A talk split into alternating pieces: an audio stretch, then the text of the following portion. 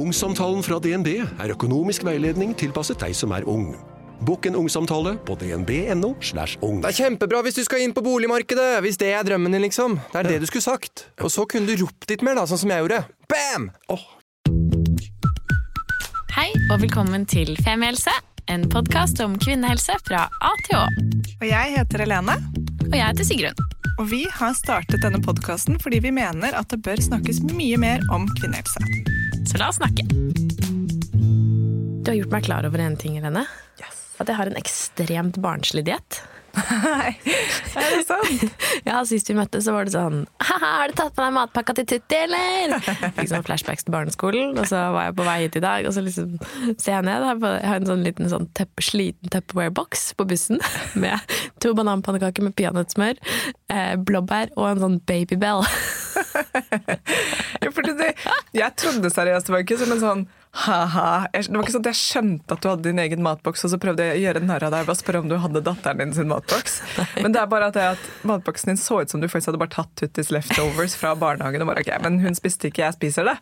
Men det er veldig koselig at du på en måte Fordi vanligvis er det jo ofte sånn at barna på en måte får smake på de voksnes, men her er du mer sånn som nå embracer dette og bare lager den samme maten til deg som til datteren. Absolutely. Ja, Nei, men jeg står skikkelig i det også, fordi jeg tenkte litt på det. Um, etter å ha sett ned min egen i dag og hatt en litt sånn Ja, ok, det er faktisk sant. Um, det er fordi uh, Altså, jeg gir jo mat til henne uh, som jeg tenker at liksom er bra for henne. Og um, Nei. Og det er jo egentlig heldigvis da, mat som jeg har veldig lyst til å spise selv. Og jeg tenker jo egentlig at det er en veldig bra ting.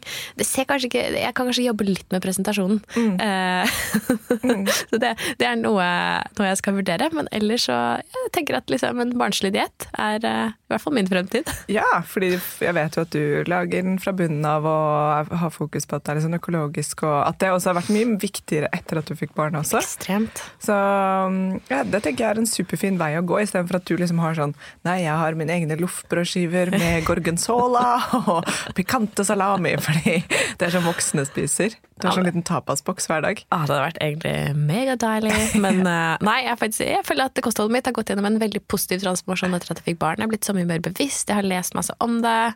Prioriterer Det er jo sikkert fordi jeg gjør mindre andre ting, da. Så mm. kan vi på en måte prioritere å, å spise ganske bra. Men det jeg liker med barnekosthold, er at de som regel spiser litt av mye.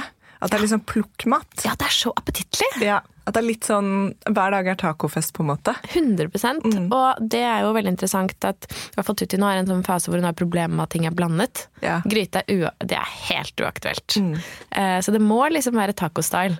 Men uh, jeg liker det litt. Jeg synes det er liksom, ok, Da må man skjære opp masse ting i forskjellige stål, skåler, og så blir det liksom med seg middag hver dag. Men ehm, en av de konfliktene i mitt liv som jeg husker aller best, som har gjort størst inntrykk på meg, da, som kanskje gjør vondest, nei, ikke vondest, men som jeg tenker som, jeg, som satte skikkelig støkk var i meg. Skilsmissen var verre, ja. Altså til mine foreldre, ikke min egen. Ehm, men nummer to, da. Det var da jeg satt barnevakt eh, for fire barn. Det var nemlig en sånn søskenflokk på fire som jeg passet fra jeg var sånn tolv. Wow. Ja, eller 14 var jeg kanskje. Men anyway, så var det, satt jeg barnevakt en hel helg. Da var jeg kanskje sånn 19. Og skulle lage da middag hver dag. Som var jo ganske sånn, det var ikke bare bare, jeg var jo ikke helt påkobla, liksom. Men jeg lagde da Moren eller faren hadde selvfølgelig kjøpt inn all maten. hun hørte at jeg var grei og addet faren, for jeg tror ikke han hadde gjort det. Men moren hadde kjøpt inn all maten som lå klar i kjøleskapet, skapet, så jeg bare skulle lage middagene. Da skulle vi ha fiskegryte, nei, fiskepudding. Så wow måte Det er en 90-tallsrett som har blitt borte for meg. Altså. Virkelig, men det er på en måte det er bare fiskeboller i på en måte brødform. Og så eh, skulle jeg servere den, og så la jeg, skulle jeg legge opp på tallerkenene, og så bare sånn la jeg sausen oppå fiskepuddingen og potetene. Oh, oh. Og den hatstemningen rundt det bordet, den var så vond. Altså, det gikk fra å være sånn ganske hyggelig middag, hvor jeg liksom var sånn Yes, jeg er 19 år og har greid å lage mat til fire barn, til at det bare var sånn Jeg ble jeg fikk sånn der stonewalling resten av kvelden. De nektet å se på meg og snakke med meg. Det er så hardt. Men jeg hørte faktisk en kollega fortalte at eh, hun ved flere anledninger har tatt bolognesen mm. og skylt den i en sil under springen. eh, fordi barna var sånn 'Jeg vil ikke ha tomatsaus på!' jeg vil bare ha eh, Ja, det gøgget som det er rørt inn med. Barn, ass. Barn, ass!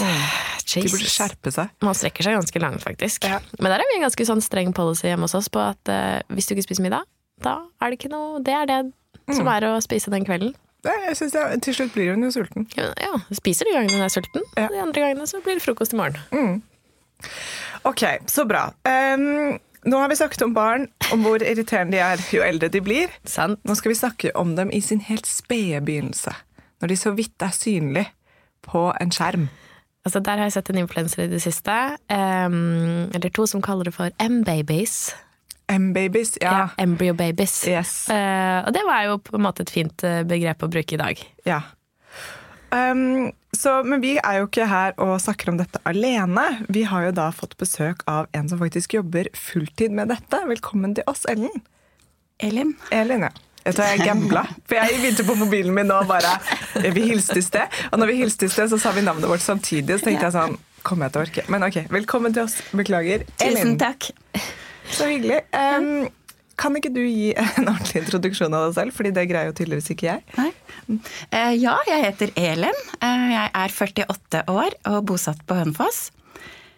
Eh, jobber som ultralydjordmor. Har jeg, ble, jeg ble jordmor i 2002, så jeg har lang erfaring eh, med å være jordmor på føde-, barsel- og gynekologisk avdeling. Da. Jeg jobber på Ringerike sykehus, eh, og det er en del av Vestre Viken. Jeg jobber også på fødepoliklinikken, da som ultralydjordmor. Og i tillegg til det da, så jobber jeg som privatpraktiserende ultralydjordmor hos Asker kvinnehelse. Og det er en nyoppstarta klinikk med fokus på kvinners helse gjennom hele livet, da. Der har vi jo masse gode venner som jobber. Ja, ja, ja. Ja, Mathilde, Helene, Ina, sikkert flere. Ja. Som vi bare elsker. Så shout-out til Asker kvinnehelsesenter. Vi heier på dere. Ja.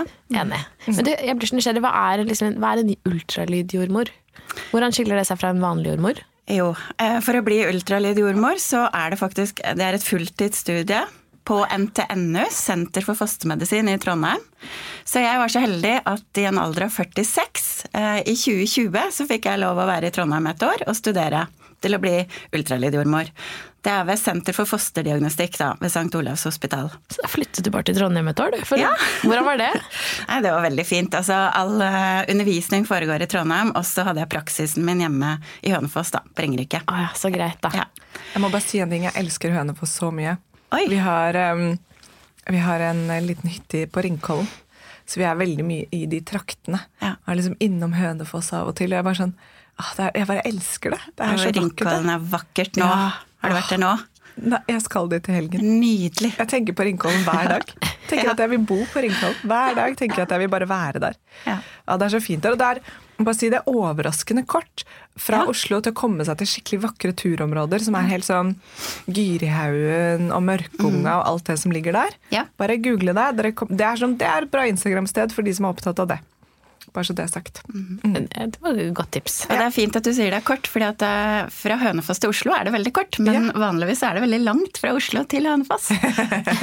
That's true. det er liksom midt på bygda, men eh, det er veldig vakkert. Ja, det er så Ja.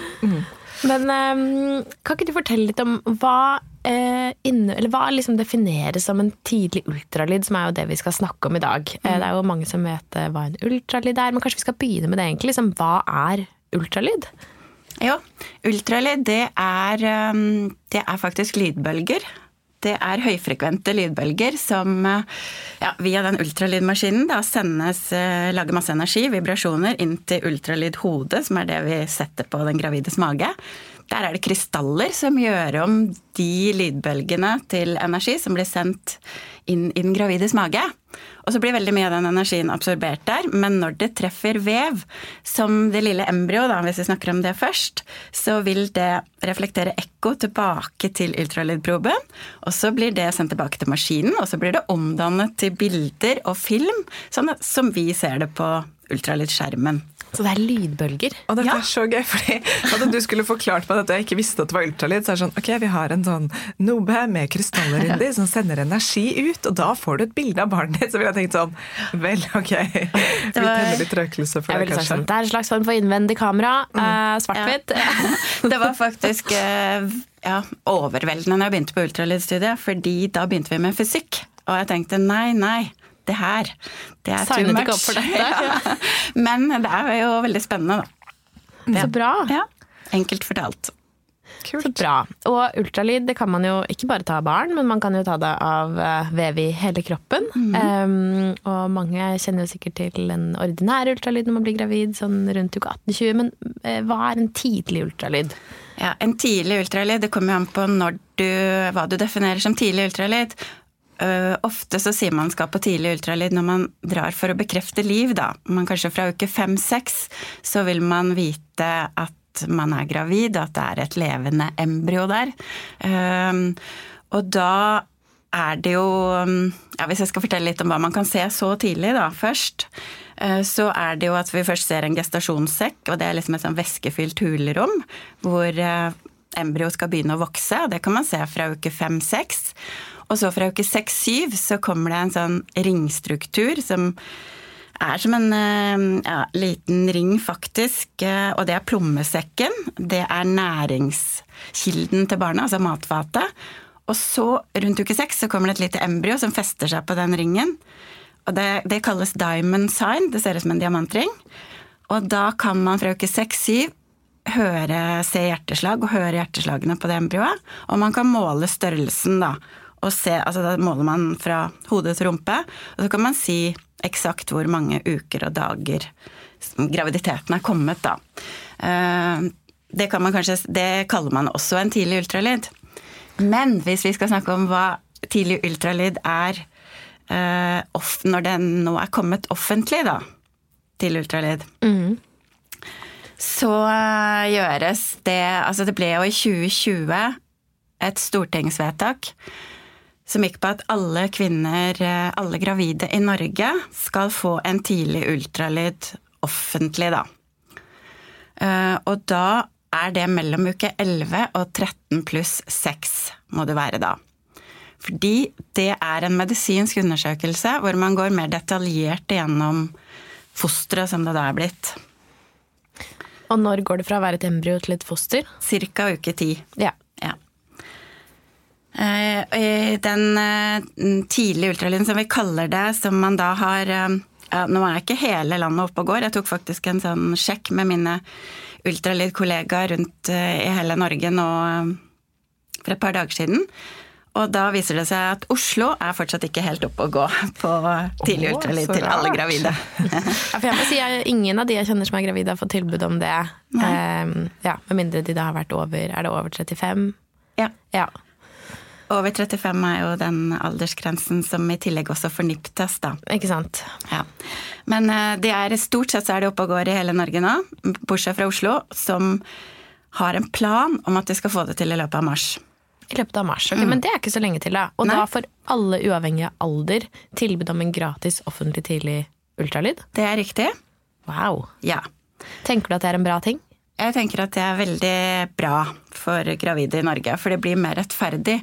Nå har det jo før vært sånn at de som har bodd i sentrale strøk hvor det har vært et tilbud om privatpraktiserende ultralydjordmor eller gynekolog, de har kunnet reise og kjøpe seg en ultralyd, mens eh, det er ikke alle steder hvor det faktisk er tilbud om det. Og nå blir det da et tilbud til alle.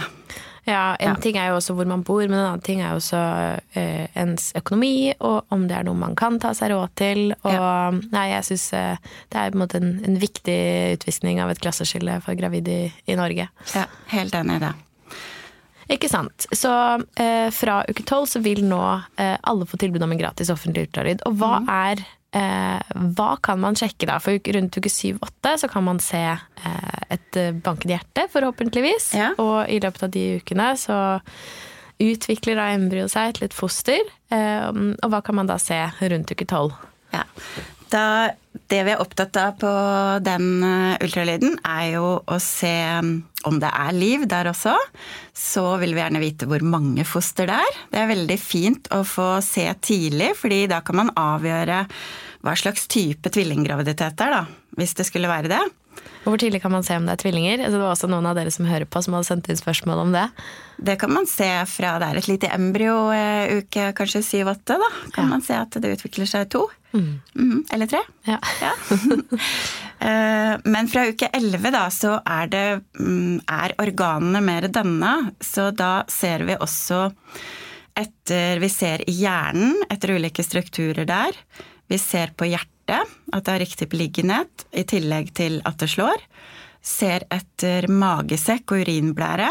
Da skal vi se at det er væske da, i magesekken og urinblæra. Det er jo et tegn på at organene fungerer. Fosteret svelger allerede fostervann, og så går det til mage, nyrer, urinveier og tisser ut. Så da ser vi at syklusen er i gang. Og så ser vi etter skjelettet, ryggen. Eh, Vi ser etter lemmene. Vi ser etter to armer, to ben og gjerne da tre ledd i armer og tre ledd i bena. Håndstilling, fotstilling. Ja, og så i tillegg så er det jo de risikofaktorene da, som, eh, som vi ser at altså vi måler størrelsen på nakkefolden. Vi ser etter nesebenet. Og hvorfor ser man etter disse to tingene, eller hva, hva kan man måtte se? Fordi nakkefolden er jo ofte noe man, man snakker om eh, Ja. når man skal på tidlig ultralyd. Og hva, eh, hva er greia med den? Hva er det for noe? Greia med den. Altså, og, det, og med tidlig ultralyd altså, Jeg har først lyst til å si det at uh, den tidlig ultralyden som vi nå gjør offentlig, den går under bioteknologiloven. Det, er, det blir sett på som fosterdiagnostikk fordi at i tillegg til å lete etter de tingene som jeg sa, så ser vi også aktivt etter feil ved fosteret, da. Så for at vi skal kunne gjøre den ultralyden, så må vi faktisk ha et signert samtykke av den gravide. Eh, og det vi da leter etter, er jo kromosomfeil. I hovedsak trisomi 21, trisomi 18 og trisomi 13. Altså trisomi 21 som er Downs syndrom, 18 Edwards syndrom og 13 Plateaus syndrom, som er mer sjeldne trisomier, da. Eh, Og på nakkefolden, eh, hvis man måler en eh, økt hevelse Alle har en eh, liten væskefylt hevelse i nakken på det mellom uke 11 og uke 13-6. Da den må være veldig presist i de ukene, ellers så forsvinner den nakkefolden. Men hvis man ser en økt nakkefold, så er det en ganske sterk indikator på kromosomfeil. Men det kan også være hjertefeil, eller det kan være helt eh, normalt, da manglende neseben, vi leter etter nesebenet, og mangler det nesebenet, så er det også en sterk indikator på kromosomfeil. Det er sånn at ca. 60-70% av barn med Downs syndrom mangler nesebenet. Men det kan være normalt. Og så er det mm, hjertefrekvensen da, som vi skal ha innenfor et normalområde. Hvis den enten ligger for lavt eller ligger for høyt, så kan det også indikere avvik. Og hvis man da finner disse avvikene, som du sier også at jo kan være normal, eller kan være Altså at det ikke nødvendigvis er en indikasjon, eller det kan være en indikasjon. Hva er neste steg da? Hvis du er eh, 27 år da, og er inne til en kontroll og dette blir oppdaget, hva blir neste steg da? Altså Neste steg da, det er at eh, vi kan tilby en NIPT-test. Nå er det jo sånn at eh, det også ble lovbestemt om at alle over 35 år skal få tilbud om den NIPT-testen. Hvis vi finner avvik hos de som er yngre, så kan vi tilby den samme testen. Kan du si noe kort om hva en NIPT-test er? Ja. NIPT det står for eh, non-invasiv prenatal test, og det er en blodprøve av mor som måler fosterets DNA, da, eller man finner foster-DNA i mors blod. Og så kan man da teste NIPT-test kan brukes til mange forskjellige tester, men når vi snakker om NIPT-test innenfor fosterdiagnostikken, så er det trisomi 21, 18 og 13. Mm. Mm. det er så fascinerende at man kan ta, når du er så tidlig gravid, en blodtest. En Amor. blodprøve av Ja. mor. Og så er det allerede liksom Det sier seg jo selv, da, men det er så eller det er ikke så fort gjort å tenke det, kanskje, men at liksom, å, det er et foster inni mors mage, men det er egentlig liksom bare en del av deg. Mm. Det er liksom, Alt henger sammen, og det er noe jeg har tenkt veldig mye på med f.eks. kvinner som får eh, dobbeltdonasjon, eller eh, det kan også bare, eller får donert egg. da.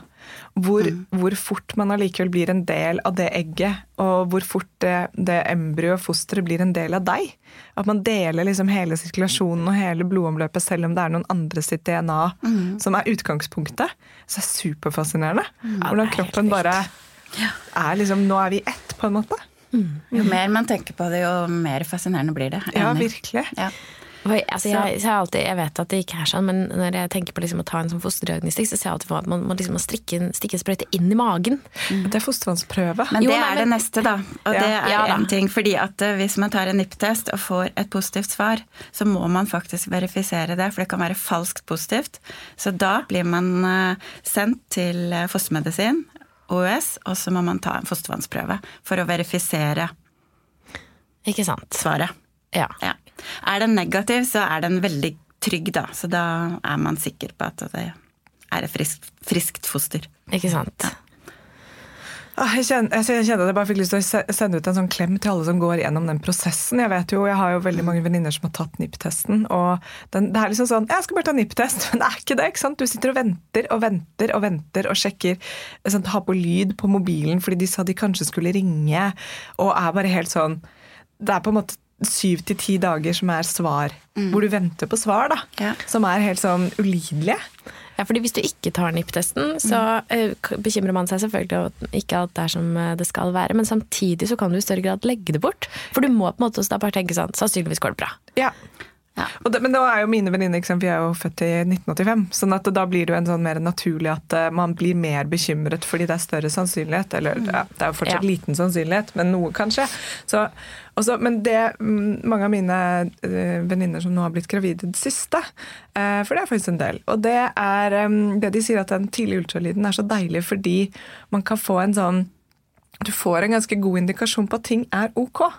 Så selv om man da tar en, tar en tidlig ultralyd og så tar en NIPT-test, så er man litt mindre bekymret for at den tidlige ultralyden ikke har avdekket noe som NIPT-testen plutselig greier å dra fram. Så det, en, det har vært en veldig sånn der, en, fin, en fin ting, da. Ja. Men har du noe, eller vet du noe om eh, hvor stor sjansen er for å oppdage at noe er galt hvis man tar en ultralyd i uke tolv? Eller hvor stort er, er avviket, på en måte? Ja, altså I forhold til de trisomiene så kan man ikke si med sikkerhet. For selv om man finner en normal hjertefrekvens, man finner neseben og en normal størrelse på nakkefolden, så kan barnet ha en trisomi. Men det er jo så mange andre ting som kan være galt enn akkurat de tre kromosomfeilene som vi leter etter der, da. Altså, så vi får jo Det kan jo være store utviklingsavvik. Altså et foster kan jo mangle en hjerne, eh, organet kan være plassert feil kan mangle armer og ben. Det er veldig sjelden. Men altså, det er jo store, alvorlige avvik som vi gjerne vil vite tidlig. eh, som er minst like viktig, og det vil jo ultralyden avdekke. Og Det er jo det som er så fint med at dette er noe offentlig tilbudt. fordi Før så var det jo ofte at man gikk i uke 18-19 Ja. og var ganske langt på vei. ikke sant? Og, Magen er blitt stor, og du kjenner ofte liv, og det er liksom Mm, ja. Det er en helt annen, eh, det er en helt annen situasjon da, å forholde seg til. Ja. Selv om det er helt grusomt også hvis man skulle oppdage, og hvis barnet er ønsket og man oppdager dette i uke tolv. Og det er jo selvfølgelig ikke noe lettere, men det er liksom en litt annen situasjon. da. Så, så derfor så er det så veldig fint at det er et tilbud som man kan benytte seg av hvis man ønsker det. Ja, og nettopp hvis man ønsker det, for man må jo jeg syns at man skal ha tenkt seg om og tenkt litt hva valgene medfører. da, At man skal ha en bevisst eh, tanke når man går inn på ultralyd. Vi vil jo at de skal lese seg opp, at de gjerne skal ha sett den informasjonsvideoen som OUS har laget eh, om tidlig ultralyd og om NIPT-test. Så man, man skal ha gjort seg noen tanker. Hva hvis vi oppdager feil? Hva vil vi da gjøre videre? Det er viktig. Og det er en medisinsk undersøkelse. At man er liksom klar over, eh, klar over det før man Ja, Så du tenker at man ikke må ta for lett på det, og tenke at Ja. nå skal vi bare gå og si hei til babyen vår? Ja. Altså for noen eh, som ikke har tenkt seg så nøye om, kommer og tenker kan vi se kjønn i uke tolv? Kan man? Eh, nei, egentlig ikke. Det Nei. er litt tidlig. Noen- Kjønn er veldig like på fra uke 11 til 13. 13 ja, altså det er stor forskjell på uke 11 og uke 13. Vi kan se veldig mye mer i uke 13. Og kanskje uke 14-15 så kan vi si det med sikkerhet. Ikke sant? Ja. Er det mer sannsynlig for å se det tidlig hvis det er en gutt? kan være lettere, men det kan også være hovne kjønnslepper som ligner veldig på en penis i starten. Ah, så jeg pleier å si på den tidlige ultralyden, så sier jeg 50-50. Ja. Det er like gøy å tippe, men mange ganger når de kommer tilbake, så har jeg sagt feil. ja, du har det? Ja. 50 sjanse at dette er en jente. Men, eh, men det jeg skulle egentlig si da, var at de kommer, og så begynner vi å informere. Hvis de ikke har lest seg opp så veldig mye på forhånd, så blir det litt sånn wow, er det så mye vi faktisk ser etter å gjøre? Og ja, da blir det litt mer sånn alvorlig, da. Og jeg vil jo gjerne at man skal liksom være litt bevisst før man går til den ultralyden. Ja. Ja. Og nå føler jeg at vi snakker om veldig mye som kan være galt også. Ja. Vet du nå om liksom eh, Hvor stor sjanse er det for at alt er bra? Og det er jo veldig stor sjanse for at alt er fordi bra. Nå får jeg liksom følelsen at det er nesten mest sannsynlig at det er noe galt. Nei, det er ikke det. Og det er jo derfor man nå selekterer på 35 år. Altså du er en lavrisiko kvinne i utgangspunktet. Det er veldig liten sjanse for at noe er galt. Ikke sant? Ja. Og, Og dette det er jo også den samtalen jeg hadde med mm, ja, venninnen min som er da 37 og skal, er gravid nå, og som var så nervøs. Så er jeg sånn, og jeg ble nervøs med henne. Jeg ble sånn, Åh! Og så ble jeg sånn Men vent, vent, vent. vent, vent. Det er fortsatt bitte, bitte, bitte liten sjanse. Veldig og det er liksom det er, det, Man blir liksom sånn Man føler nesten at det er 50-50. Når du er på en måte 37 år, så bare det er 50% sjanse for at det er noe galt her. Så bare, det er jo ikke det i det, hele tatt. Så, så det er noe med det å liksom eh, det er, sånn, det er med veldig mye som har med helse å gjøre, og masse av disse undersøkelsene er på en måte å prøve å lande i å forvente at ting er bra, men også forberede seg på at det er en liten sjanse for at det er noe som ikke er bra. Men det er en vanskelig balansegang. Da. Hodet går jo lett i sånn katastrofetanker, og dette er skummelt og sånn, men det er Ja. ja. Ikke sant. Ja, nei, jeg tenker bare sånn, eller jeg har i hvert fall noen eh, venner som har vært ekstremt bekymrede når de har vært gravide. Um, så ja, jeg håper ikke denne episoden på en måte gjør at du blir mer bekymret. Nei, det er ikke meningen. Absolutt ikke. Fordi ultralyd er jo veldig, veldig fint. Fordi vi kan jo for det første finne ut om det er flere barn, da. Det er jo en veldig stor fordel, som jeg sa i stad også. Finne ut tidlig. Se at eh, svangerskapet ligger inni livmor, at det er et intrauterint svangerskap er viktig. Alderen på barnet. Altså, mange har litt usikker menstruasjon, har kanskje hatt litt småblødninger. Vet ikke helt hvor langt de er kommet, har litt uregelmessig syklus. Så kan vi jo, er det jo ultralyd som er eneste metode å si med sikkerhet hvor langt er du faktisk kommet. Så gøy. Hva er noe av det kuleste du tenker at man kan se på en, på en tidlig ultralyd? Er det noe som fascinerer deg ekstra? Altså, det er jo hvor tidlig man kan se at hjertet slår, da. Ja. Altså, man kan se et hjerte som slår eh, i en liten celleklump seks uker ut i en graviditet. Det er jo helt fantastisk. Ja, det er faktisk helt spinnvilt. Ja. Herregud. Ja. Nei, det er skikkelig, det er fint og det er spennende med at vi liksom Jeg syns det er så gøy når man hører om sånne historier om bare sånn Ja, jeg er jo eh, altså tvilling, ikke stjernetegnet, men som at man Jeg er ikke det. Men hvis man, jeg har hørt sånne historier om folk som forteller at de er tvilling, men moren visste det ikke. Fordi man kanskje bodde i et land hvor ikke ultralyd var tilgjengelig, ikke sant? og det er 40 år siden. Så hvis du bare føder oss bare Det kommer en til! Som er så fjernt for oss nå, da. fordi da er det sånn, nå vet vi sånn dette er tvillinger, de er sånn og sånn, det er enegget eller det er toegget, det er liksom de og de kjennene, er, de er friske. Man vet så mye mer nå enn det man visste før. da. Um, som jeg syns er veldig det er, veldig det er ikke så lenge siden alt dette var helt sånn fjernt og helt umulig for oss å vite. Nei, Så det ble mange sprøere historier før, da. Altså, du vil jo Fra fødeavdelingen var det mer sprø historier da, før, ja. det er akkurat det! Nå er det jo liksom veldig forutsigbart opplegg. Ja, jeg syns det var litt kult at dere ikke visste kjønnet. Ja, Det var jo ganske spennende. det var ganske spennende. Ikke så lurt for min del, i retrospekt. Men um, Hvorfor var det, Vi har snakket litt om det, men hvorfor var ikke det lurt? Eh, fordi jeg ble så eh, psykisk påvirket under graviditeten. Jeg tror det hadde vært lurt for meg å vite hva det var, sånn at jeg kunne eh, i større grad se for meg at eh, det var en baby der inne. eh, og hvordan livet skulle bli med den babyen. Ja. Det har jeg hørt flere si. At det, å, at det er, liksom, er veldig spennende å ikke vite kjønnet, men at man i etterkant er sånn Det kunne kanskje vært greit å vite, fordi det er lettere å knytte seg til det og lage disse historiene rundt det. Ja, og jeg, jeg tenker at jeg var litt sånn teit bastant på det. For jeg tenkte flere ganger i løpet av graviditeten sånn åh, kanskje jeg liksom burde Det er bare å gå og finne det ut, liksom. Eh, Men så hadde jeg på en måte bestemt meg så veldig. Eh, Og det kommer jeg til å ta med meg hvis jeg blir gravid igjen. eh, Og liksom kjenne etter sånn Men vil jeg vite det, eller vil jeg ikke vite det? Um, Jeg har Ja. inntrykk av at det er flere og flere som velger å ikke vite nå, faktisk. Det er Ja. en liten sånn trend igjen. ja, hvorfor Ja. det, tenker du? Nei, jeg vet ikke. Nei. Kanskje fordi man vet så mye. Ja, at, kanskje. eh, Kanskje fordi man vet så mye. Ja, at At det kan være en liten overraskelse. Ja. Jeg var jo bombesikker på at det var en gutt. um, jeg tror Det var nok mest en forsvarsmekanisme, fordi jeg var litt redd for at det skulle være en gutt. Så jeg hadde bestemt meg for at det var lille Jens som lå der inne. Lille Lille jens For dumme du Jens. ønsket deg en jente. jeg tror jeg bare syntes det var lettere å forholde seg til at det skulle være en jente. For det liksom var kjent. Så kom hun ut, og så sa uh, fødselslegen 'oi, for en stor kar'. Eh, og vi var sånn 'ja, der var han', liksom. Ja. Så var det jo en jente, så det var jo veldig spesielt sagt. Det er veldig rart. for en stor kar. Ja, det er veldig rart. Ja, Ja, ja. veldig, det er veldig merkelig. Og vi bare sånn, ja, det, var det en gutt? Nei, nei, det var en jente. Å, ok. For, ei, for ei lita tutte. Hva skal du kalle han? var det en stor jente, da. Nei, ikke Nei, det ikke det heller. Nei. ja, men um, Kanskje han sa 'oi, for en stor blodkar'? At du liksom hørte noe At det var noe annet som skjedde der nede? nei. Nei. Det var, og det var liksom en mild kvinne som var Eller mild var hun ikke, det er en bestemt fødselslege. Kvinnelig, ja. nei. Det var spesielt. En av de milde fødselslegene. Mm. Men um, det er en del som har uh, sendt oss spørsmål, og uh, en av de tingene som går inn, er folk lurer på om det er skadelig for barna.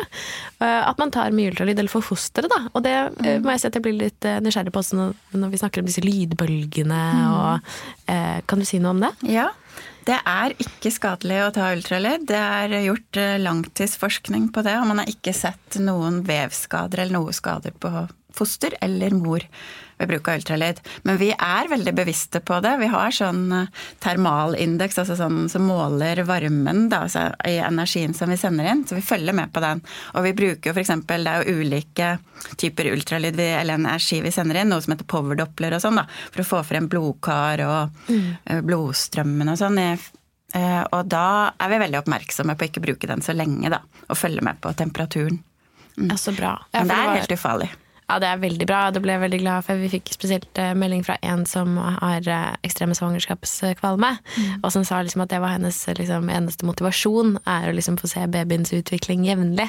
Eh, nei, så det er bra å høre at hun kan gjøre det med god samvittighet. Ja, det kan man. Ja, På 1940-tallet var det vel, så drev man og rønka alle gravide. Ja. Eh, Det er farligere. Det er farlig. Da begynte man jo å få babyer eh, med kreft, og kvinner ble syke, og det var jo skikkelig dårlig stemning. Som jo egentlig er litt sånn interessant i, i et kvinnehelseperspektiv, hvor mange ting vi har prøvd ut, og så bare ops! Ja. ikke sant? Alt fra disse kvalmestillende medisinene som var helt grusomme, hvor babyer ble født uten lemmer og sånne ting. Ja. Så det er så bra at den nå så er det Det er sikkert ting vi kommer til å si om 10-20 år sånn Det der var ikke så lurt. Men nå har vi jo forskning også på akkurat sånn som ultralyd, at det går helt fint. Det er ikke farlig.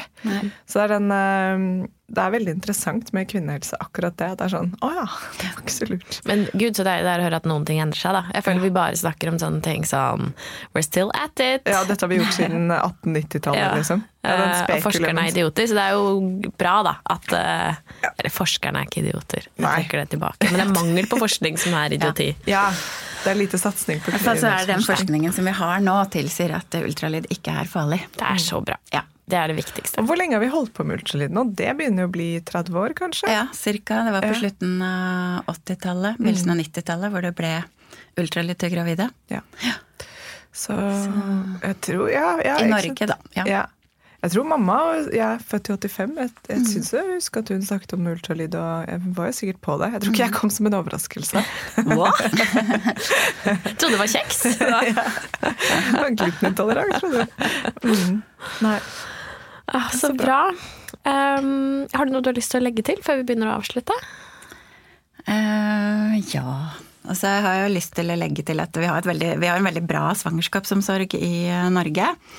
Og med at vi har fått noe tidlig ultralyd, og vi har eh, rutinescreeningen i uke 18 til 20, da, så um, er det jo et veldig bra tilbud offentlig eh, sammen med svangerskapsomsorgen. Sikkert når jeg var sånn Ja, vi er litt enige, vi skal også demonstrere i morgen. Ja. Men vi er enige om at Barselomsorgen er et annet kapittel. Ja, og jeg mener at svangerskapsomsorg når det kommer til liksom, det medisinske i Norge er veldig bra. Ja. Og så tror jeg at når det kommer til det psykiske, så ligger vi mm, altså, så langt bak som eh, Ja. Men det er en annen historie. Men Det er en annen historie, til, og det er jeg helt enig i. ja, når det kommer til det medisinske, så er vi best i verden. Og at eh, En av de beste. det å få bekreftet at barnet i magen, eh, sannsynligheten for at den har det bra, er høy, bidrar jo forhåpentligvis også til de som er mye bekymret og ja, Ja. kjenner på den type eh, plager da, under svangerskapet. Men eh, ja, veldig spennende å lære mer om ultralyd. Jeg lærte skikkelig mye helt nytt i dag, så, Men, så et bra. siste spørsmål. Som vanlig. Som vanlig. For Ja. hvis man tar denne tidlige ultralyden eh, i uke 11 til 13 pluss 6, så får man jo en til i uke sånn 18 til 20. Ja. Er, er det da man på en måte drar man da mer for å se på kjønn og litt sånne ting, og følge at utviklingen har gått riktig videre? Ja, altså Vi er jo ikke opptatt av kjønn i utgangspunktet, for i Norge så har vi ikke lov å liksom selektere på kjønn, eller det er ikke noen medisinsk grunn til å vite kjønnet. Men vi ser på kjønn i uke 18-20. Men det viktigste med den ultralyden er jo den anatomiske gjennomgangen. Ser veldig nøye på struktur i hjernen. Hjerteundersøkelsen er ganske avansert. Ser på kammer, klaffer, hvordan de store arteriene krysser hverandre. Eh, Vi ser på alle de andre organene igjen, og på utviklingen jeg måler hode, mage, femur, altså lårben. Ser at fosteret vokser med hele seg, da. Og så setter vi da terminen ut ifra de målene vi får da. Og så ser vi på morkaken. Det er viktig at beliggenheten i forhold til fødselskanalen. Så man ser at ikke den stenger for fødselskanalen. Da Um, Altså det kan man, det kan jo ikke være foranliggende, da er det farlig å føde. Det er en viktig ting. Fostervannsmengde, ser på generelle trivselstegn da, hos barnet. Uke 18. Ja. Spennende. Altså det, det de brukte mest tid på da jeg var på den rutine ultralyd, var å se om barna hadde seks fingre på noen av hendene. Fordi både Hvor- faren min Oi. og broren min er jo født med Ja. eh, en ekstra finger på hver hånd. Ja. Og så jeg fortalte det som en spøk mens jeg lå der. liksom. Var sånn, ja, er det bare fem fingre? Og det tok de kjempealvorlig, fordi det er visst et tegn på kromosomavvik. Ja. Um, men det Ja, for jeg har tenkt litt på det med faren og broren din. De er jo mm, Det er noe der. Det er noe der. Ja. Men Eva fikk Har de beholdt det, eller er de tatt bort? Eh, nei, de, det er jo ikke en ekte finger. Ah, ja. Nei, så um, de er borte. Synd. Hvis ikke så tenker jeg sånn der, fantastisk karriere innenfor sånn pianospilling eller gitar. Eller Men e- egentlig også bare. PC og skrive på Mac-en, liksom. Shit, så effektiv. Sekretærkarriere. Ja, Bare boom. passasje, rett og slett. Ja, vi teller fingre og tær. Vi pleier å gjøre det. Ja. Nei, veldig spennende. Tusen takk for besøket. Det har vært skikkelig spennende å snakke med deg. Ja. så håper vi at alle i hele landet snart får eh, tilbud om ultralyd, eh, både tidlig og sent. Um, takk for at du hørte på. Takk til dere som hadde spørsmål. Snakkes. Vi snakkes. Ha det. Ha det. Tusen takk for at du hørte på podkasten vår. Selv om det forhåpentligvis kommer tydelig frem, så vil vi understreke at vi ikke er helsepersonell. Ja, så Som vanlig, kontakt legen din om du har noen spørsmål, eller om du skal begynne på noen form for behandling. Og har du et tema som du har lyst til at vi skal snakke om, eller noe ris eller ros, så send oss gjerne en melding på Facebook eller på Instagram. Der finner du oss under Femihelse. Og du kan gjerne rate oss på iTunes, det er skikkelig hyggelig for oss. Ha en fin dag! Ha en kjempefin dag!